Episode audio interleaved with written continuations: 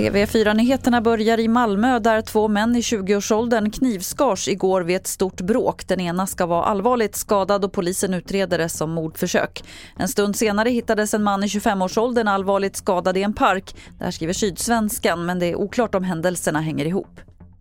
Regeringen planerar att lägga fram en extra ändringsbudget ifall deras kompromissförslag med Centern om höjda pensioner inte kommer röstas igenom idag. Men om frågan ens kommer att tas upp för omröstning är oklart och tidigare talmannen Per Westerberg är kritisk till hur frågan hanterats av de båda blocken. Jag ska inte gå in i sakfrågan för det vill jag inte göra. Men möjligen lite förvånad över att man inte försökt få en bred majoritet i en fråga som vi länge från alla partier sagt att det bör vara breda majoriteter i, nämligen pensionsfrågan.